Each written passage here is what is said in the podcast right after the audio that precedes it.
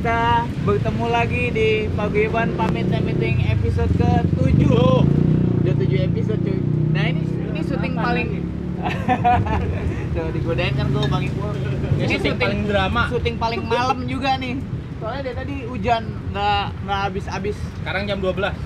Soalnya mau jam 12 ya? 12 kurang 10 tengah malam. Nah, di episode 7 kali ini eh, ada Elena. Kita panggil L. Eh, kita mau ngomongin eh, immaterial workers. Immaterial itu, workers itu adalah Pekerja pekerjaan yang hasil kerjanya nggak jelas. Abstrak. Abstrak. Jadi bisa cuman berupa janji-janji, bisa cuman berupa Harapan. harapan segala macam. atau Ah, ucapan tapi- terima kasih ya Tapi ini pembahasan menarik nih karena memang ah, di dunia yang sudah serba digital dan instantly ini ah, mereka ini jasanya sudah banyak banget dipakai dan mungkin lo sendiri secara nggak sadar lo juga ah, immaterial workers ya, Ellen. Sekarang kita mulai dari yang paling one on one dulu. Apa sih immaterial workers tuh? Pekerja immaterial lu apa sebetulnya? pekerja imaterial itu sebenarnya adalah pekerja yang hasil dari kerjanya itu imaterial gue nggak menjelaskan jadi istilahnya gini jadi Bukan suatu bentuk yang fisik atau yang konvensional. iya bukan suatu yang fisik atau konvensional sederhananya yang dihasilkan pekerja imaterial itu ada komunikasi afeksi sebuah relasi sosial itu kayak bentuk awal pekerja itu kan awalnya dari agraria terus lu Ya. berubah jadi industri yang manufaktur tanam, lu jadi tanam jadi industri, jadi industri pabrik segala macam gitu. Nah ini kita masuk di era di mana semuanya serba digital, semuanya mesin dan produksi tetap jalan terus Ah. gitu sampai pada akhirnya yang menjadi garda depan dari em, industri saat ini adalah si industri informasi ini. Jadi yang Teknologi informasi. iya in- eh, industri informasi sebenarnya. Jadi kayak Industri informasi. sebenarnya lo kayak misalkan lo jalan-jalan ke supermarket gitu dan ada produk yang sebenarnya produknya sama aja gitu kan Jadi yang dulu sama yang dulu nyusun yellow page tuh ya immaterial itu kan informasi semua cuy produknya. Jadi lu dulu nyusun yellow pages tuh immaterial. Terus Iya, terus kayak misalkan lo jalan-jalan supermarket tuh produknya semua sama gitu Ah. yang dihasilkan oleh para pekerja material gitu yang pekerja material. mereka harus datang ke pabrik untuk men- menghasilkan mengerjakan si Ah. produk ini hasil banyak Kayak kemudian jadi- kemudian lo kenapa jadi bisa berpikir bahwa produk yang ini lebih oke ketimbang produk yang ini atau gue punya kepercayaan lebih kepada produk ini ketimbang yang lain atau kenapa air yang ini membuat gue merasa sangat jantan sementara Ini itu adalah hasil kerja dari para pekerja imaterial Ah. yang menciptakan kondisian terhadap satu Oh. satu benda gitu bro Ya. Kalau di lebih eh, spesifik lagi, kalau misalnya dibilang eh, pekerja kreatif bisa nggak? itu sebenarnya bisa. Bagian dari kerja Bagian- kreatif, ba- bagian dari material Bagian dari material workersnya ada pekerja kreatif. Nah, dan Oke. ada pekerjaan yang lain misalkan caretaker jurnalis itu juga masih masuk ke dalam pekerja imaterial Oke. Nah, si Elena ini dia pekerja kreatif. Jadi dia tuh kerjaannya adalah bikin surat dokter. Kalau buat itu kan harus kreatif cuy. Dulu kreatif banget tuh. Dokternya apa, segala sakitnya kenapa itu pekerja kreatif loh bikin surat dokter itu dulu.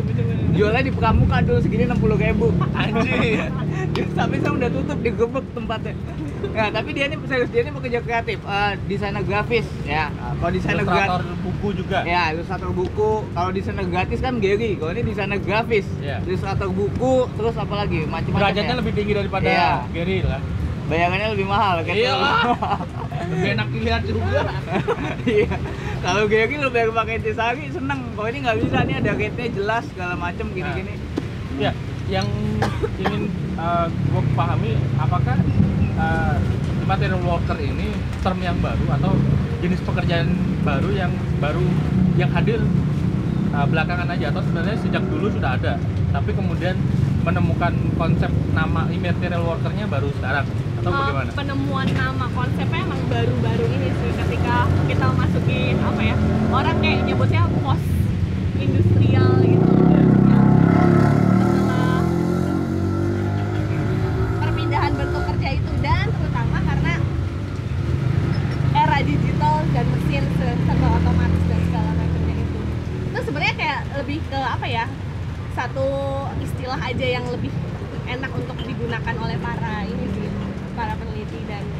istilah itu tuh dan istilah hipster. Hipster. Iya. Gua nggak nggak paham soalnya gua Iya, gue juga baru tahu kalau pekerjaan gue ini adalah pekerjaan material gitu. Nah, kalau lebih spesifik kalau di Indonesia, menurut lo orang-orang yang patut atau mungkin masuk dalam klasifikasi material worker itu kayak apa? Pekerja kreatif terutama kayak misalkan gue desainer, ilustrator, videografer, fotografer, pekerja seni, ya, jurnalis, oh jurnalis juga teman-teman jurnalis juga Bapak termasuk. rumah tangga nggak ya? bapak rumah tangga.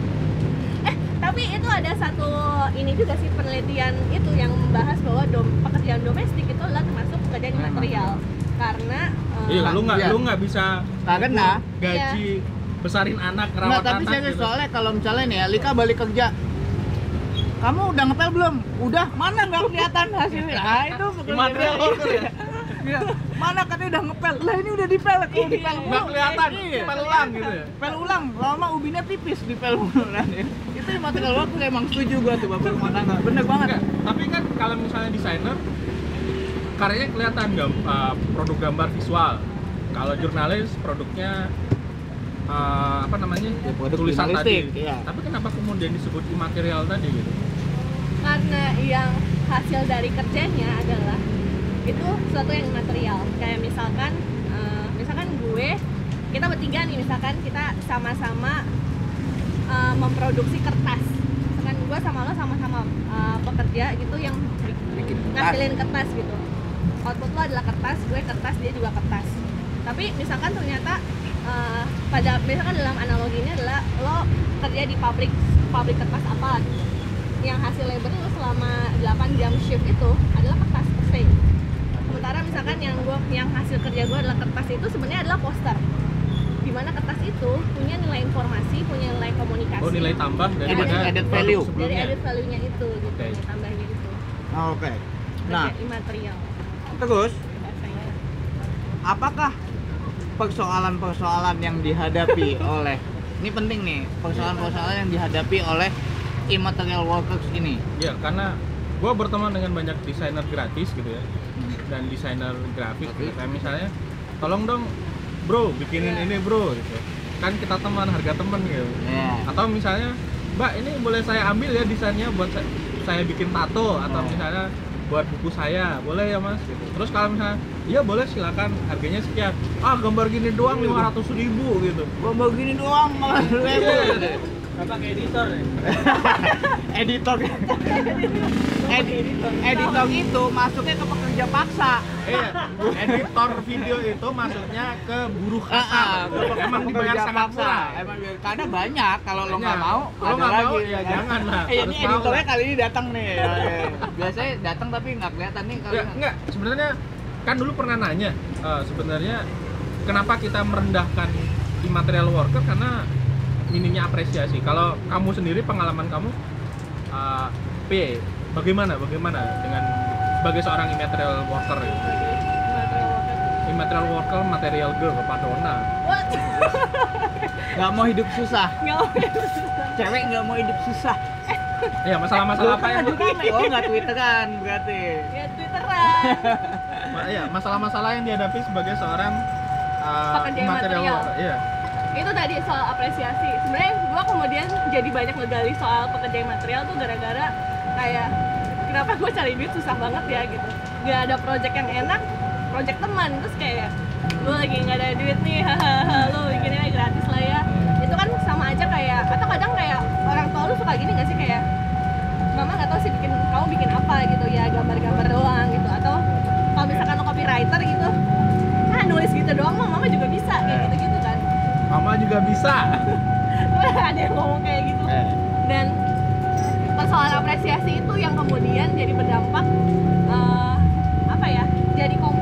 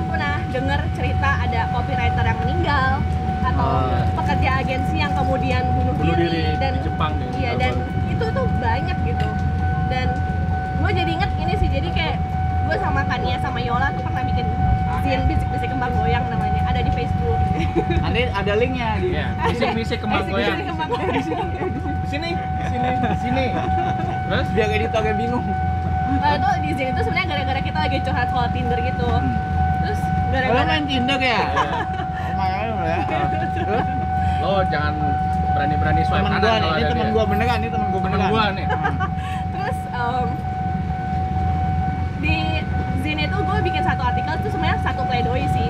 Gue bilang bahwa yang kita butuhkan itu bukan pasangan tapi waktu luang. Nah. haleluya Jadi kayak gua punya banyak waktu lu- luang dan nggak punya pasangan dia punya pasangan tapi tidak punya wa- waktu luang Ya. Benar, benar. dan? sebenarnya itu kayak analogi aja kayak lo kerja eh, untuk lo kita kan kayak idealnya kita bekerja 8 jam Ya. tapi kan itu hitungannya 8 jam lo di kantor Ya. sementara untuk sampai ke tempat kerja lo aja lo punya Yang harus tiga jam di jalan itu Iya, dipotongnya dari waktu istirahat kita dari ya. waktu istirahat Bukan kita dari jam kerja ya. terus habis itu sisanya lo mesti minimal punya relasi sama keluarga atau yang akhirnya lo nggak punya waktu lagi buat melakukan hal-hal kayak gitu terus Ya. akhirnya ya udah ketika lo udah nggak butuh ini cuma anekdot aja sih kayak ketika lo udah nggak punya waktu luang lagi untuk pasangan yang full time Iya. lo akhirnya beralih ke Tinder yang kayak ya gue merasa cocok mari kita ngobrol 15 Ya. menit setelah itu udah Makanya ini dulu orang-orang generasi tua sebelum generasi bapak ibu kita ya udah ngingetin. Makanya cari pasangan itu yang seiman, jangan yang seniman. Nah, karena emang begini nih seniman-seniman ini nih. nggak gua beberapa kali pacaran nggak seiman. Eh sekali deh. Gagal move on. Anjing gua udah janji nggak mau curhat. Iya, lu colongan tolong ini diedit ya nanti ya dihilangin. Terus? terus enggak sih karena lucu aja kalau gue main Tinder kenapa gue selalu ketemunya anak agensi atau enggak teman-teman gue yang desainer juga Oke.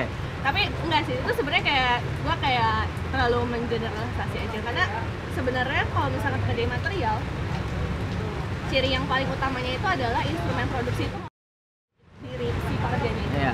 kayak karena kalau gue mau, mau mendesain Bukan melekat di alat produksi ya.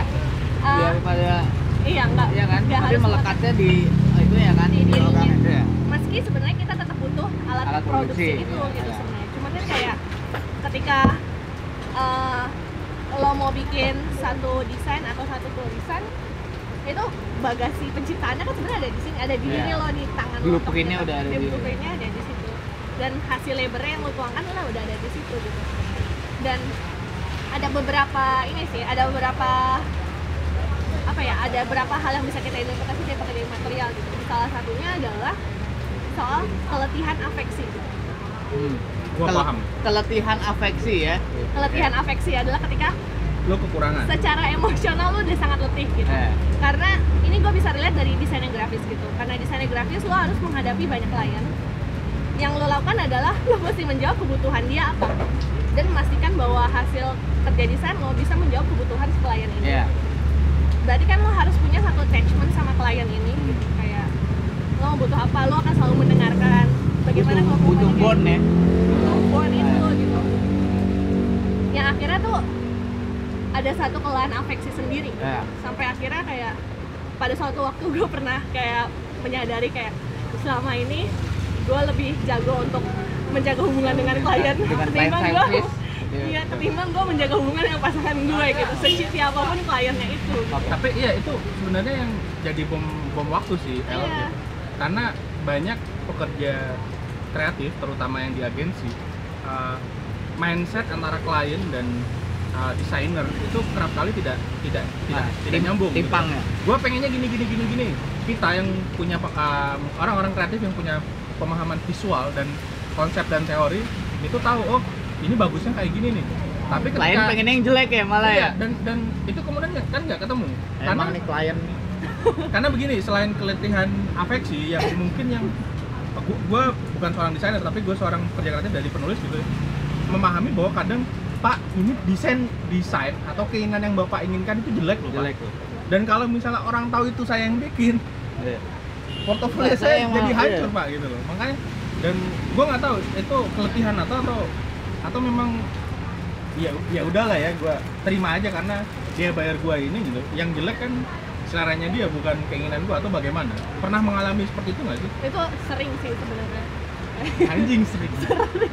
Ya semoga klien yang nggak nonton eh enggak tapi kayak sebenarnya soal klien tidak apa ya frekuensi klien dan frekuensi desainer tidak basis desainer desainer sebenarnya selera selera visual. selera visual nggak cocok nih sebenarnya masuk ke pembahasan berikutnya soal ekosistem sih yang mau gue bahas. Nah tapi eh, kalau soal keletihan afeksi itu kemudian kayak lo harus tampil sangat eh, apa ya sangat terpercaya terhadap klien lo bahwa terutama ketika lo megang klien yang sangat besar gitu ya skala nasional lo memastikan bahwa ya lo produk lo kan baik-baik aja. PBB gitu ya klien yang sangat besar.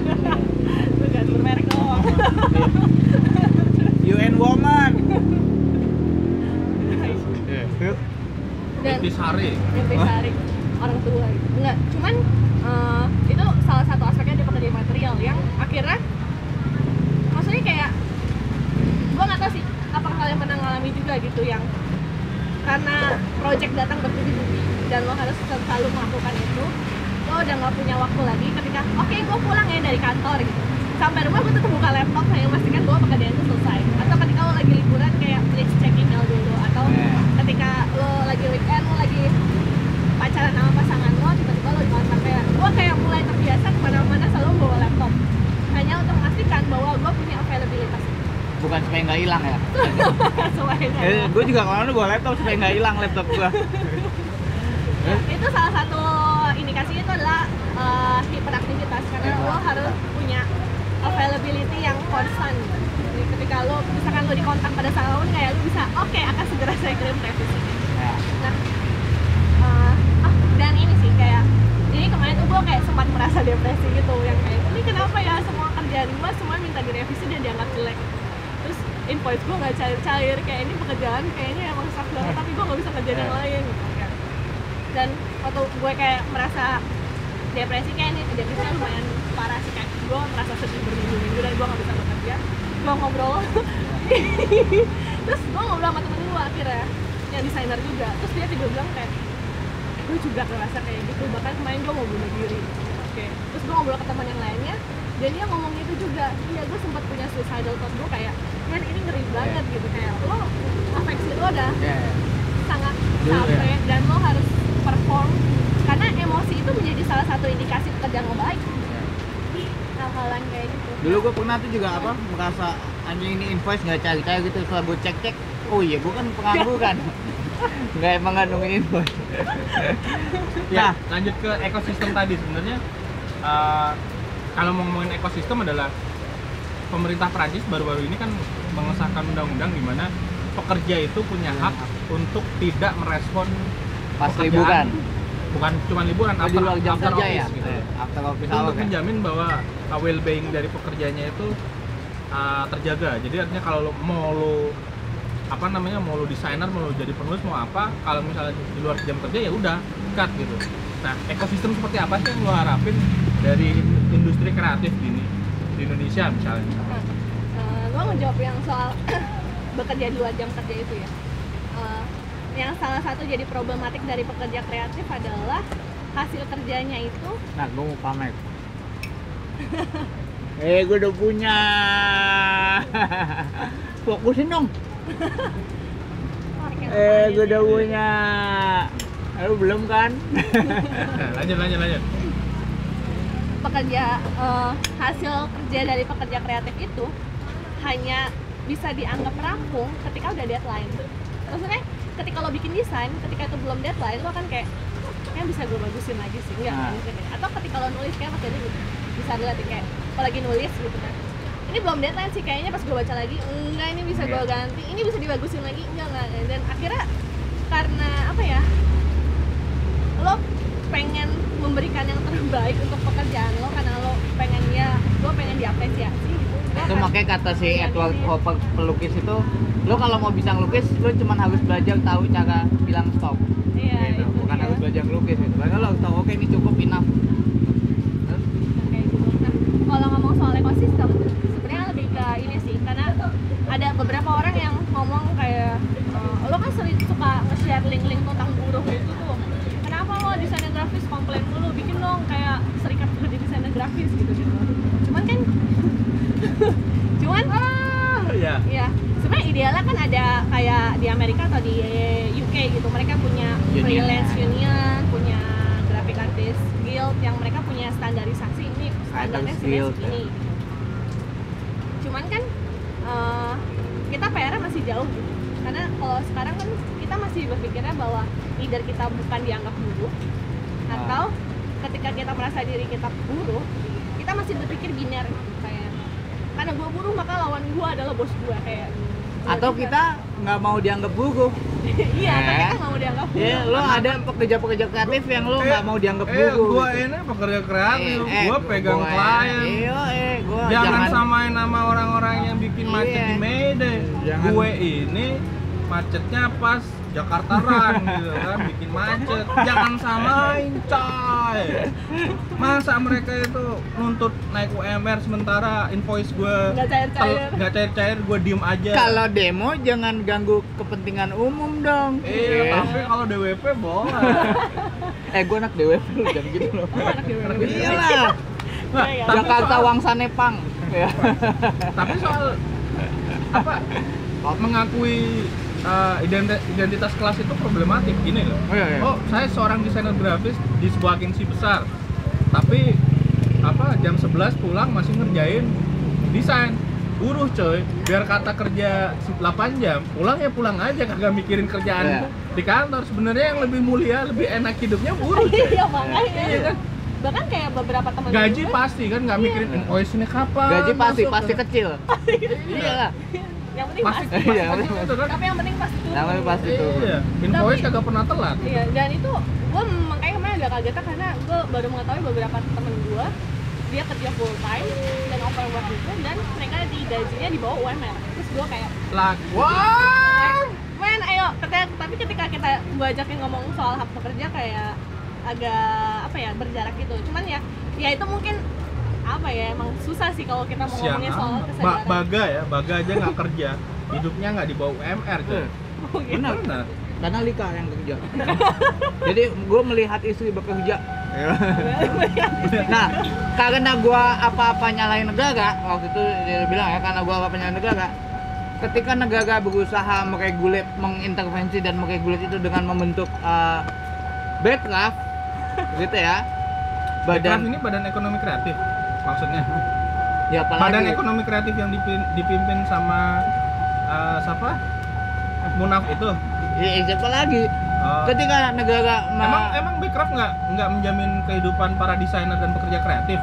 gue sih waktu itu dengar gosip-gosip berapa kali gitu pekerja kreatif dikumpulin sama backup buat menyusun sebuah bener nggak tapi gosip itu ya kan sebenarnya bukan gosip sih udah Roadmap, tahu ya nah eh, si backup ini sudah gimana? Maksudnya kontribut something atau malah bikin ribet atau ada yang berubah atau enggak? Sebenarnya itu beda-beda sih karena backcraft itu kan punya subnya masing-masing dari politically correct nih. Masa beda ya nggak usah beda-beda deh kalau dari lo ya gimana? Iya. eh enggak tapi serius. Ini Mereka- bukan mata najwa nih nggak usah politically correct. Jadi kayak eh tapi emang Anda gitu ganjar ya? Kok ngomongnya normatif? anda ganja-ganja ya? Eh, saya ganjil. enggak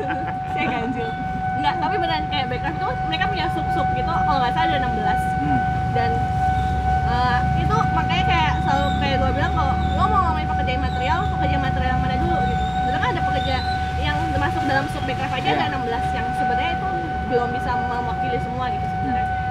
Dan masing-masing itu kan sebenarnya punya ekosistemnya masing-masing. Masing-masing, ya. kalau yang ekosistemnya udah jalan dengan baik itu udah apa ya seenggaknya jalan terbuka lah.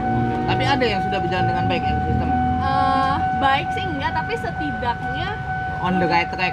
Iya, Ada? sebenarnya ada konsolidasi. eh, ayo mari kita melakukan ini, roadmap kita seperti ini. Kayak bikin asosiasi produser, kaprofi gitu-gitu tuh ya. Iya kayak gitu. Atau kayak paling ini adalah kayak pekerja fashion yang gue lupa nama Oh, asosiasinya iya. apa gitu. Mereka udah mulai ini sendiri. Pekerja fashion tuh kalau mau meeting ribet banget itu pasti ya. Ya kan? Dress code-nya ini ya. Pekerja Aca- acaranya jam 5 datangnya jam 12. coy. dress code-nya Mbak Mbak Sudirman ya. Mbak Mbak Gue tadi baru tahu ada istilah Mbak Mbak Sudirman tuh maksudnya pekerja kantoran Sudirman gitu. Gue kan Mbak Mbak Sudirman. emang dulu Sudirman. tadi. Nah, kalau yang dari pekerja eh, sorry, desainer grafis ya tadi itu Kalau desain grafis sendiri, ini yang gue kemudian lihat ada problem. Kayak Hmm. dari tahun 1970 itu udah dibikin ikatan perancang grafis Indonesia. Itu berarti kayak- 1970. Iya, itu kayak udah 40 tahun yang lalu. tapi sampai sekarang nih masalahnya tetap sama soal apresiasi nah Oke. ini kenapa kayak lu udah 40 tahun tapi selalu membahas soal apresiasi ya terlepas dari yang eh, sumber daya manusianya yang tidak ada kontinuitas gitu Eh, sama ini sih apa ya dalam tanda kutip terlalu gagap untuk melihat desainer desain grafis hasil produknya dengan konsekuensinya di masyarakat. Oh, makanya kayak sebenarnya kemarin kan udah ada beberapa kayak pengen nyusun kode etik pengen ada standar kompetensi kerja segala macam. Tapi kan Iya. itu kemudian sebenarnya uh, permukaan yang ada sifatnya di penciptaan. Kalau sebenarnya kan akan ideal kalau misalkan karena ini kita ngomongin desain grafis. Ya. yang kita hasilkan kemudian sebenarnya jadi produk juga ya kan pada akan ideal kalau misalkan ada keseimbangan antara penciptaan sama pengelolaan pengetahuan Ya. maka yang soal kode etik, standar pricing, eh, terus kayak ketika yang berbasis HAM lah buat pekerja itu atau maupun standar kompetensi itu bersifat ke penciptaan gitu. Sementara kita butuh pengelolaan pengetahuan gitu. Jadi antara dua ini yang harusnya saling mengisi Ya. satu sama lain. Tapi ada missing ada missing linknya Linknya gitu antara klien, eh sorry antara desainer praktisi dengan publik. Ya. Kayak publik. apa? suara suara Oh, gitu. Enggak, tapi gini, itu kan sebenarnya yang sekunder. Karena udah di brief kan mabok bebas. Enggak, eh, ada kemarin eh, desainer grafis yang ngelamar di kantor gua gitu kan. Eh, visual yang bagus, dia eh, CV-nya bagus, terus ketika kami wawancara, dia nunjukin kualitas produk yang sangat bagus. Terus gue nanya, kenapa kamu pindah gitu? Oh di tempat lama saya, saya sudah nggak digaji 4 bulan mas gitu. Kok bisa gitu?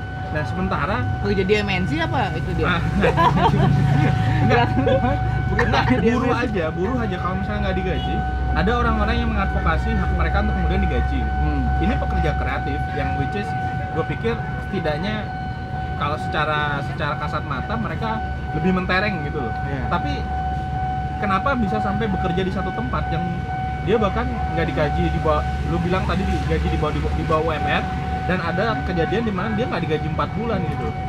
Uh, Lu ini bukan masalah 4 bulan ke mana nih. negara, tapi bagaimana perusahaan sendiri tidak bisa mengapresiasi itu. Pro- Nah, sebenarnya eh, ini bisa yang gue bilang nggak bisa dibilang biner gitu kalau itu mungkin konteksnya perusahaan yang besar gitu yang udah well established ya kita bisa itu kita bisa lah biner kayak gila lo udah dapet untuk banyak banget kenapa gue nggak digaji bisa aja kayak gitu atau bisa kemungkinan lain yang berkaitan dengan ekosistem itu tadi gitu.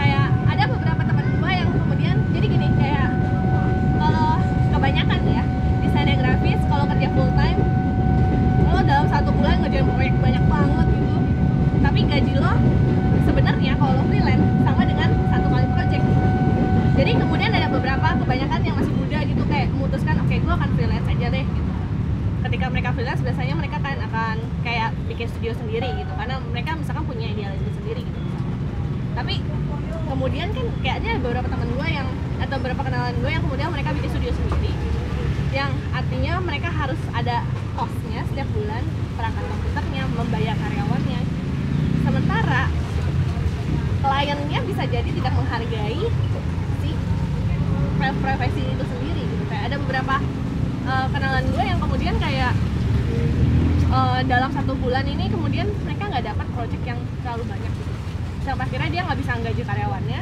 dia harus ngeluarin sendiri dari tabungannya gitu. pada titik itu kan kemudian kita udah Edukasi. udah nggak bisa biner lagi gitu tapi kasual apa kasuistis ya uh, udah nggak bisa bina lagi karena pada akhirnya harus ada si pengelolaan pengetahuan itu termasuk adalah pendidikan buat publik literasi visual buat publik karena selama ini literasi visual kita dari pendidikan dasar itu paling jadikan pelajaran relaksasi aja sampai akhirnya ketika itu menjadi industri dan menjadi tulang punggung buat lo men- melanjutkan hidup itu dianggap gitu doang kan gue juga bisa Gue minum ya. iya ya udah boleh Iya. Nah ini editornya udah gini-gini dia minta uh, time karena ada space kan space ini sewakan buat bayar editor dia minta betul karena selama ini belum dibayar. Iya.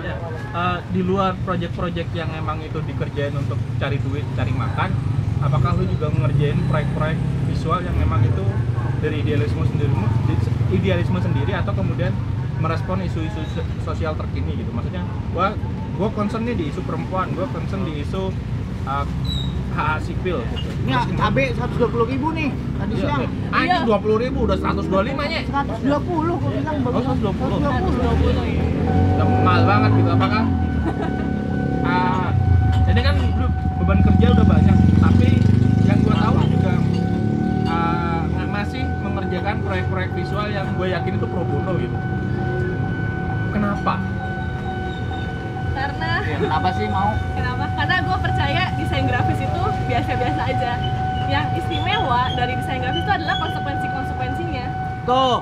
dengerin tuh Jadi kalau lo cuma berhenti bikin desain, terus apresiasi lo terhadap desain cuma berhenti ketika invoice lo cair, yang artinya lo cuma memandang itu dari sisi ekonomis aja.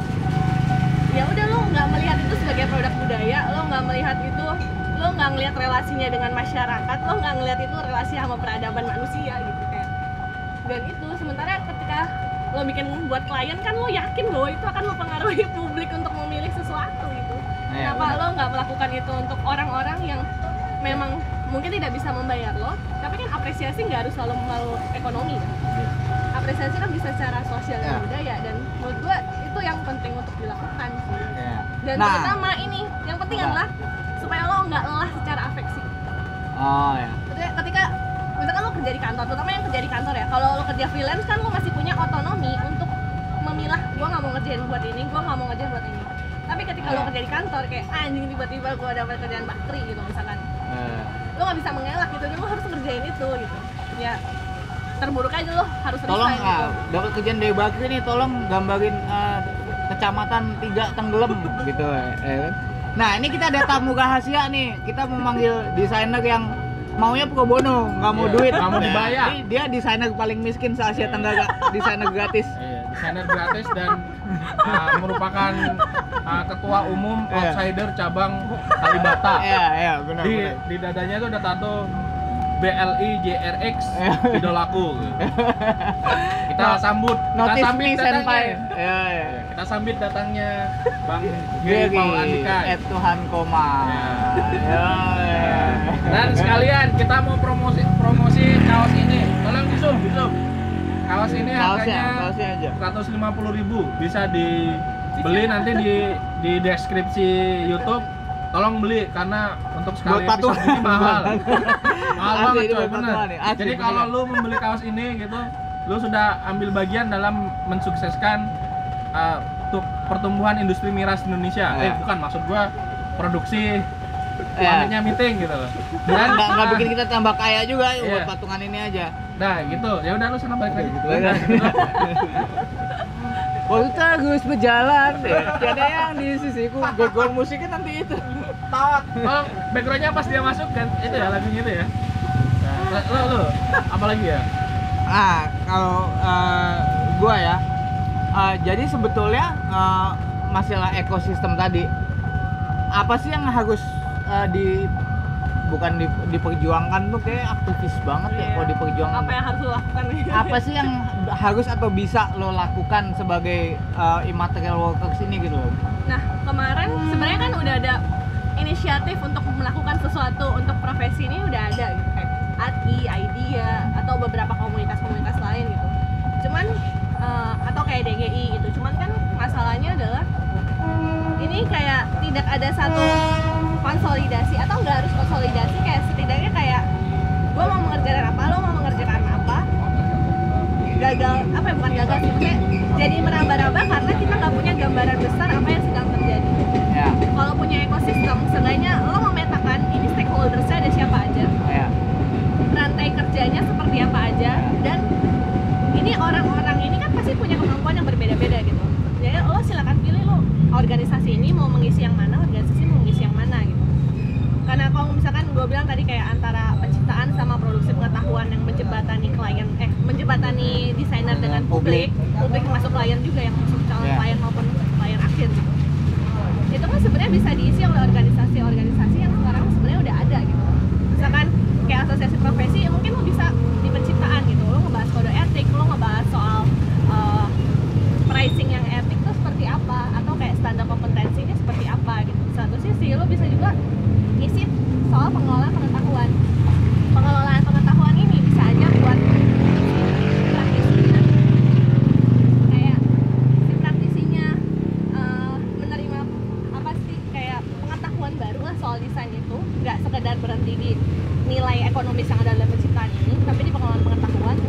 dari kerjaan lo dan konsekuensinya dan termasuk juga pengelolaan pengetahuan dalam artian buat publik Eh, soal literasi visual tadi karena selama ini kayak gue entah kenapa ketika orang merasa berjalan ketika ngomongin profesi desain grafis emang apaan sih itu orang jadi terbiasa kayak ya emang dia udah nggak tahu kali pekerjaan itu apa dan itu kan jadi problem gitu lo jadi bias sebenarnya gitu. tapi Iya. lo menjelaskan tapi lo berharap orang mengapresiasi kerjaan lo dan buat gue tuh di situlah missing linknya itu tadi ya. Iya.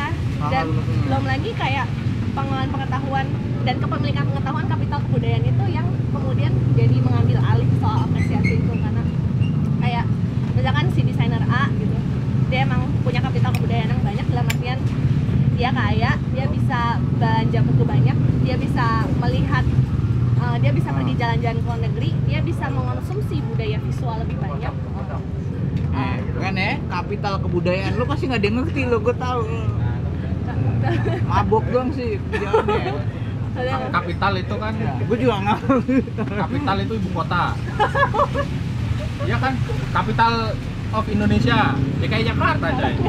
kapital kebudayaan tuh berarti kebudayaan Modal, ibu kota. modal. Ibu kota Modal. kebudayaan. Gimana? Kapital kebudayaan tuh gimana? modal modal budaya lo modal budaya lo kayak Lo punya modal nggak? Punya. Apa? Surat nikah. enggak Kirain Baga, surat gila. Baga punya kalau Baga dia punya kapital kebudayaan dan kapital sosial karena follower dia banyak salah satunya Tapi kan fana nggak dibawa mati. tapi lo bisa Ditanyain tapi nyet. Habis mana kau buka tuh ditanya follow lo berapa gitu ya anjing. Gitu. Anjir. Nah, enggak, tapi itu termasuk dalam kapital budaya dan sosial itu karena lo bisa itu bisa jadi satu Iya. kapital akun Lo lo, kan- buat jadi buzzer misalkan Tapi sumpah ya gue merasa identitas gue terdegradasi dengan disebut kapital kebudayaan lu follow tuh kayak emang gue nggak tapi punya itu apa salah kayak gitu lainnya. aja. Emang lu punya apa? Pekerjaan nggak ada. Apa? Coba ayo selain kumis. Anak bini gue masih muda. Ayo lo punya kan? Ayo. Bini gue mama-mama muda. Kapital gue ngebayangin gue minum. eh bayar Lika Ya udah Enggak. mau habis. Udah mau Apa edukasi? Dikit-dikit durasi, dikit-dikit durasi. Apaan sih lo? Wayang kulitnya semalam suntuk cuy. Iya. Slow aja. Terus itu sih karena kadang ada lo suka denger gak sih di sana yang kayak dia tuh sense jelek banget ya atau kayak ini klien kenapa seleranya jelek banget tapi Iya. yang membentuk selera kalian kan sebenarnya produk budaya yang dihasilkan oleh Iya. si desainernya sendiri gitu. yang lo juga ikut berkontribusi iya lo situ berkontribusi ya. menciptakan selera itu gitu atau ketika si desainer yang A bilang kayak desainer yang B ini jelek banget dia nggak punya selera atau sementara si desainer A ini punya kapital kebudayaan itu dia mengonsumsi banyak video atau yang sedari kecil bisa jalan-jalan melihat pameran seni rupa gitu. itu kan Tapi- ada bias iya. kelas itu gitu Tapi menurut gue penting ya kesadaran kelas itu. Maksud gue uh, immaterial worker ini sebaiknya memang mulai menyadari bahwa kalian juga ada di kelas uh, Pekerja. pekerja gitu loh. Jadi jangan musuhin pekerja-pekerja lainnya yang lebih berani kena panas dan lebih berani uh, nuntut haknya gitu. Kalian juga harus ada kelas juga sih menurut Guru gua grafis gitu. juga butuh kelon. Iya, guru grafis. Apa kalau kata si kakak uh, seniman butuh seks. Ya kan? Ya, kalian harus mulai sadar kelas juga Iya. gitu. Bahwa kalian itu pekerja yang punya kewajiban dan punya hak ya yang sama gitu dengan pekerja-pekerja yang tadi itu yang kerja di toko material itu yang Oh, iya. pekerja Kecuali material editor video. ah itu itu editor enggak video mah Editor video itu kagak, kagak punya hak. Romusa itu Romusa. kerja paksa Ah, ah, apa Mas Untung dikasih kerjaan ngedit, kalau nggak nyopet paling. gitu. Ngangkat derajatnya. Ya Iya. kan aja udah bagus dikasih kerjaan. Bagus Maka kasih disuruh ngepet. kerjaan. Lu mulu durasi ya. Iya. Durasi Mulu. lu. Top. Nah, ini pertanyaan terakhir dari gua. Ya. Sebenarnya apa? uh, gue kepikiran bagaimana kemudian uh, sebagai seorang desainer pernah nggak sih lo kemudian ngobrol sama klien yang bilang bapak bapak yang baik atau ibu yang baik sebenarnya desain brief dari bapak itu bisa jadi lebih baik loh seperti ini gitu. Jadi ketika lo ngerjain kerjaan uh, kantor untuk nyari duit tadi ketemu klien yang mau diedukasi dan mau kemudian membuka cakrawala pikirannya. Nggak nggak nggak sekedar cuman pokoknya saya mau kayak gini titik gitu. Tapi lu ngobrol sama dia terus kemudian pak bagaimana kalau begini? Bagaimana kalau begitu? Kalau gue di kantor sih belum ya karena yang menghandle klien biasanya udah ada orangnya sendiri bukan di klien. Tapi kalau gua ngejar kan freelance terlalu banyak step iya, ada banyak. maklarnya berarti. Iya kan maksudnya makla ini yang ketemu ada klien middleman-nya. kemudian ada nah, middleman. ketemu klien tuh bagian AE misalkan. Iya soalnya lu nggak bisa cakep soalnya. Sialan. Wah, misoginis. Lu juga kagak kagak cakepnya tapi kan gua nggak jadi di sini ya udah udah jawab belum? Jadi gimana? Enggak, kalau misalkan freelance gue memang karena gue capek, maksud gue gue kasihan kalau misalkan klien berikutnya disiksa seperti ini. Sebaiknya gue bilang atau seenggaknya kayak eh, mbak atau pak gitu kayak kayaknya alurnya itu sebaiknya tuh seperti ini. Pasti gue akan balikan kalau misalnya ngerjain gini akan lebih efektif dan menghemat di lo. Gue misalnya kayak gitu hal-hal yang kayak gitu dan itu emang harus literasi itu dalam arti ya lo harus sabar seperti ketua lapan yang didatangi oleh datar itu gue dari situ belajar kayak oh iya yang selama ini gue nggak punya adalah kesabaran. Atau gua seperti videonya School of Life, kenapa lu harus memperlakukan pasangan lu seperti bayi, gitu kan?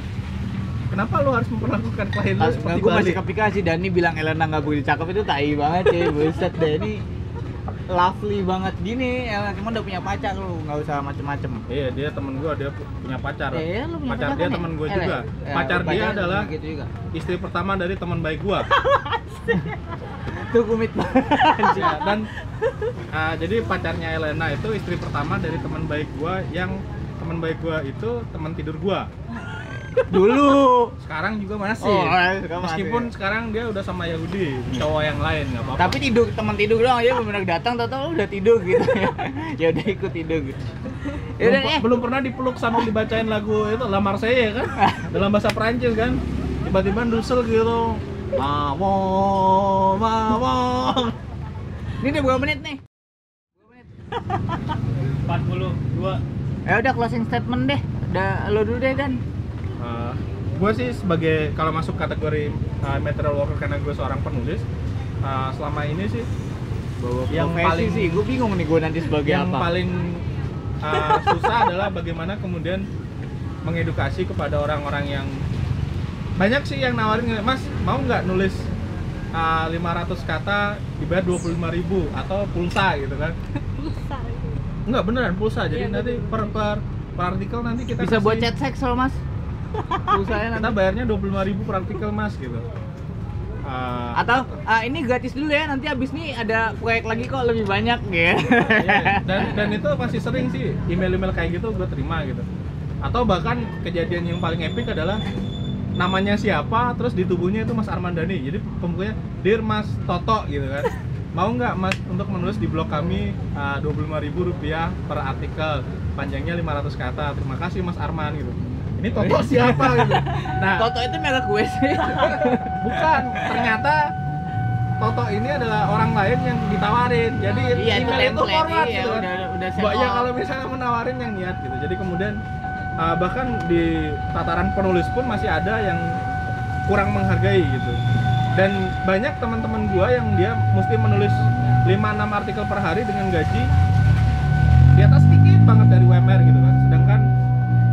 Gua tahu kualitas tulisan dia itu sangat baik gitu dan dan ketika ada upaya untuk membuat dia sejahtera kayak alah cuma nulis aja minta gaji gede gitu ya udah bapak aja yang nulis gitu anak SD juga bisa nulis baca ya kan?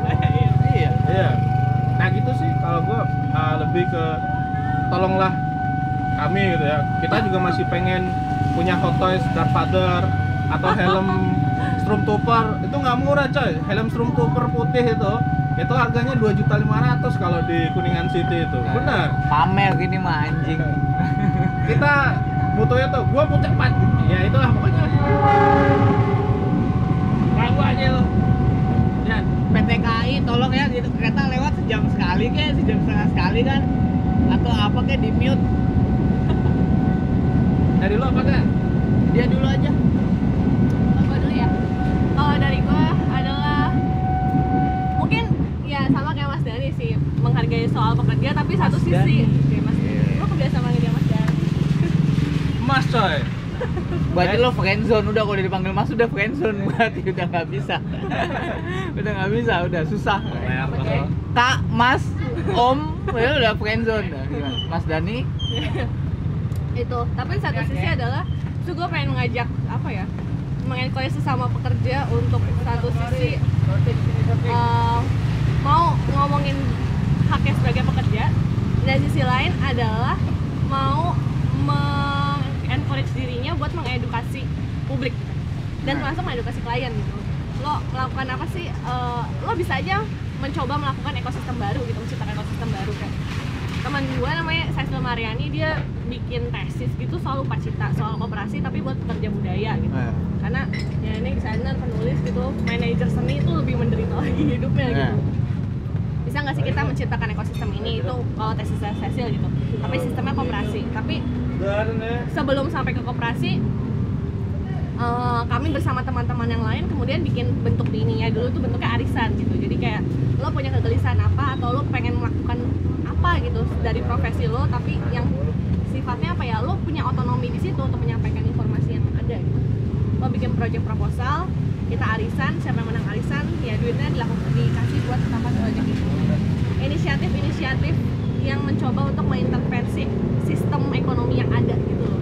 Dan setidaknya lo lakukan aja dulu yang kecil-kecil bisa nggak lo misalkan uh, liberasi pengetahuan dan sebagainya. Kayak gue lagi mau, mau memulai ini, tapi ya semoga tahun ini bisa segera. Amin.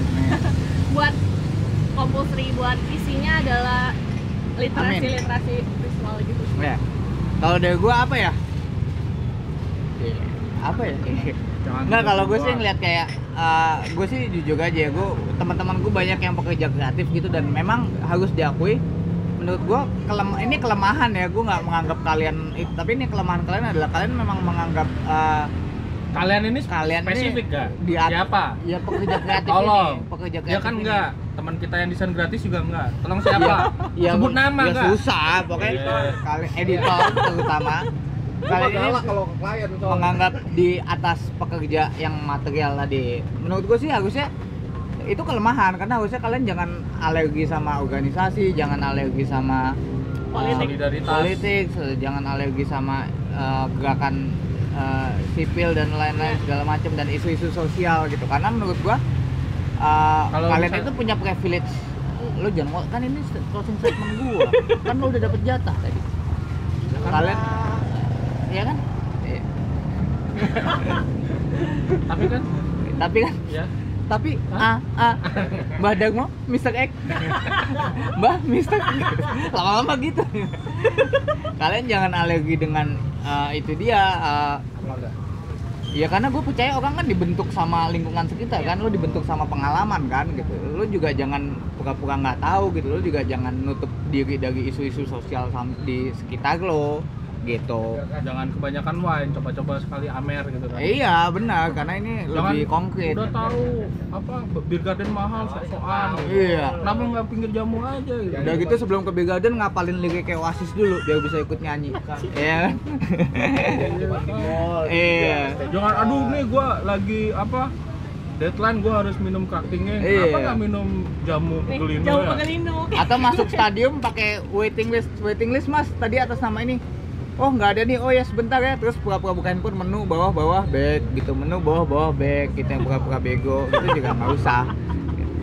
Jadi selain uh, selain closing statement kita yang angkat gelas itu ada satu lagi memang uh, apa pun minumannya musuhnya negara sih. Kalau gue bilang common enemy ya tetap. Dan ya udah terakhir itu tadi apa pun minumannya. Pamitnya meeting. pamit ya meeting. Kita ketemu lagi di episode 8 ya Iya. jadi beli kuota yang banyak jangan oke? lupa beli kaos yang tadi ya. jangan lupa beli kaos Mahal cuy ini cuy. sama nanti uh, Zippo, Flash dan lainnya insya Allah nanti uh, Ya. akhir bulan Ah, ini di ada episode 8 kita mau bikin giveaway, tapi beli dulu. Ya, ya, beli dulu nanti kita kasih giveaway. ya Kalau laku 50 biji kita mau giveaway 2 biji deh. ya ditanggung Dani nanti ongkosnya oke dadah Kau bisa memaksa